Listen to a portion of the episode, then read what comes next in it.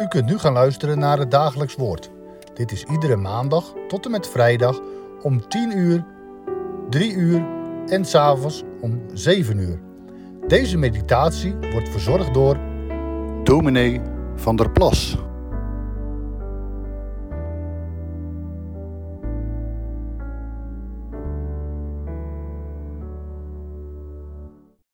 Hartelijk welkom bij Dagelijks Woord. We beginnen vandaag te lezen in 1 Samuel. Nu is het 1 Samuel, vers 1 tot 8. Er was een man uit Ramathaim Zofim, uit het bergland van Ephraim, en zijn naam was Elkana, zoon van Jeroam, zoon van Elihu, de zoon van Togu, de zoon van Zoef, een Efratiet. En hij had twee vrouwen. De naam van de ene was Hanna en de naam van de andere Peninna. Nu had Peninna kinderen, maar Hanna had geen kinderen. Deze man ging van jaar tot jaar zijn stad uit om zich in Silo voor de heren van de legermachten neer te buigen en offers te brengen. Daar waren de twee zonen van Eli, Hofni en Pinahas, priesters van de heren. Wanneer de dag kwam dat Elkana een offer bracht, gaf hij delen van het vlees aan Peninna zijn vrouw en aan al haar zonen en haar dochters. Maar aan Hanna gaf hij een speciaal deel, want hij had Hanna lief. Maar de Heere had haar baarmoeder toegesloten. Haar tegenpartij treiterde haar telkens weer, om haar kwaad te maken, omdat de Heere haar baarmoeder toegesloten had. En zo ging het jaar op jaar. Zo dikwijls als ze naar het huis van de Heere ging, treiterde zij haar zo, dan huilde zij en ze at niet. Elkana, haar man, zei dan tegen haar: Hanna, waarom huil je? Waarom eet je niet? En waarom is je hart verdrietig? Ben ik je niet meer waard dan tien zonen? Het begon zo mooi. Toen Israël het beloofde land in bezit had genomen, Jozua nam afscheid van het volk en wees hen de weg, de Heere dienen. Israël beloofde dat volmondig. Maar al gauw kwam er de klad in. Het volk ging eigen wegen. De zonden van de Canaanieten om hen heen trokken hen aan. Ze begonnen zich voor hun afgoden te buigen. Zo ging het van kwaad tot erger. Telkens greep de Heere in. Vijandige legers van omringende volken teisterden het land. Ze roofden de oogst weg en lieten de mensen berooid achter. In de nood riep men dan weer tot de Heere. En telkens zond hij dan iemand die het volk als richter bevrijdde. Er was even een adempauze. Maar daarna ging het weer op de oude voet verder. Mensen zijn hardleers. Het is alleen genade wanneer wij op de weg leren gaan achter Christus aan en daarop gehouden worden. Want als we aan onszelf overgeleverd zijn, eindigen we in het duister. Dat laat ook het slot van het boek Richteren zien. In die tijd was er geen koning in Israël en ieder deed wat goed was in zijn eigen ogen. Zelfs de opkomst van een nieuw vijandig volk dat zich in het westen vestigde, de Filistijnen, bracht hen niet tot inkeer. Wanneer het boek Samuel begint, zijn we op dat dieptepunt aangekomen. Het is alsof we op de achtergrond de vraag horen wat moet er nu terechtkomen van Gods belofte, van de Verlosser die komt? Het lijkt alsof heel het volk wegzinkt in wetteloosheid. Dan begint hier in 1 Samuel alles weer met één man. Let erop hoe de Heer dikwijls in crisismomenten aan ingrijpt en ons laat zien: mijn werk gaat door. Wat er ook gebeurt, het welbehagen van de Heere gaat voort en zal zijn doel bereiken. Daarbij doet God grote dingen door eenvoudige mensen die trouw zijn in het geloof. Elkana is er zo een. Hij is een leviet die op het gebergte van Ephraim woont. Een man dus die de roeping had om de wet van de Heere uit te leggen. Dat is voor hem duidelijk een zaak van zijn hart. Hij is trouw aan de dienst van de Heere in een wereld waarin de zonde alles lijkt te beheersen tot zelfs bij het heiligdom zie je dat terug. Vers 3 noemt niet voor niets de namen van de zonen van Eli, Hofni en Pinehas, die zich dagelijks vergrijpen aan de offers voor de Heere. Straks komt dat nader aan de orde. Maar nu wordt het al genoemd, zodat het licht veel meer zal vallen op de trouw van Elkana en zijn gezin. Ze gaan jaarlijks naar het heiligdom om daar te offeren en zich voor de Heere neer te buigen.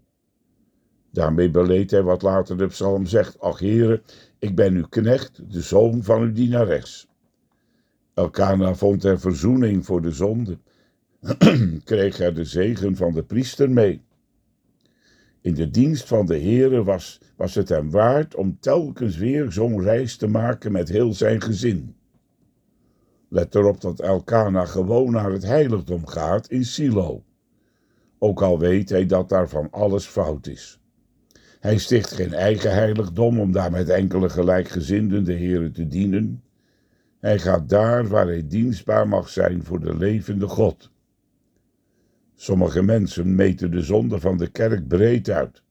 Ze kiezen ervoor eigen wegen te gaan, waarop ze in eigen kerken en gemeenschappen alles beter zullen maken.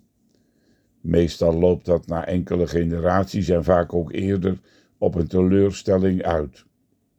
Dan houden we ons maar liever bij Calvijn, die zegt: Wie God tot vader heeft, heeft de kerk als moeder. Dat vraagt trouw. Misschien juist wel extra zorg als die moederkerk alle tekenen van ziekte vertoont. Elkana gaat intussen eenvoudig de weg die de Heere wijst. Mooi is dat, wanneer er gezinnen naast elkaar in de bank zitten in de kerk. Of wanneer je weet dat je kinderen en kleinkinderen ook de weg van het geloof gaan. Dat is niet om je trots op te verheffen, maar wel om de Heere voor te danken. Doet ons des te meer vragen, Heere, maak ons trouw in uw dienst. Want als ouders hun kinderen daarin niet voorgaan, kun je niet verwachten dat kinderen zelf wel trouw zullen zijn. Ik weet wel, de Heere kan wonderen doen, maar hij gebruikt gewoonlijk mensen in zijn dienst. En als je kleinkinderen of je kinderen eigen wegen gaan en de Heere wel missen kunnen, bid dan of hij zelf hun hart wil veranderen en pleit op de beloften van God. Laat hen zien hoe rijk het is om met de Heere te leven. Intussen is er in het gezin van Elkana ook wel het een en ander aan de hand. Hij heeft twee vrouwen. Dat kwam in die tijd meer voor, denk aan Jacob. Maar net als bij Jacob gaf dat veel narigheid. Terecht zeggen sommigen, het gebeurde wel onder de toelating van God, maar het had niet zijn zegen. We zien het ook hier. Peninna tergde Hanna, lezen we. Later zien we dat de Hanna een vrouw was die de Heere vreesde. Maar terwijl ze met God leefde, had ze één groot verdriet. Ze kon geen kinderen krijgen. en dat is aangrijpend. Zeker als tot tweemaal genoemd wordt dat de Heere haar baarmoeder had toegesloten. God verhinderde als het ware dat er kinderen kwamen, om juist haar zo te brengen tot die ene plaats waar hij haar bijzonder zou zegenen en waar haar zoon straks tot een zegen zou zijn. Dat zag ze nu nog niet. Ze zag alleen maar duisternis en pijn en moeite en gemis. Want dat was vooral het grote verdriet van haar leven. De psalm zegt: Kinderen zijn een zegen van de Heere. In die tijd waren kinderen ook een soort ouderdomsvoorziening. Als je oud werd, moesten je kinderen voor je zorgen, want anders bleef er alleen genade brood over.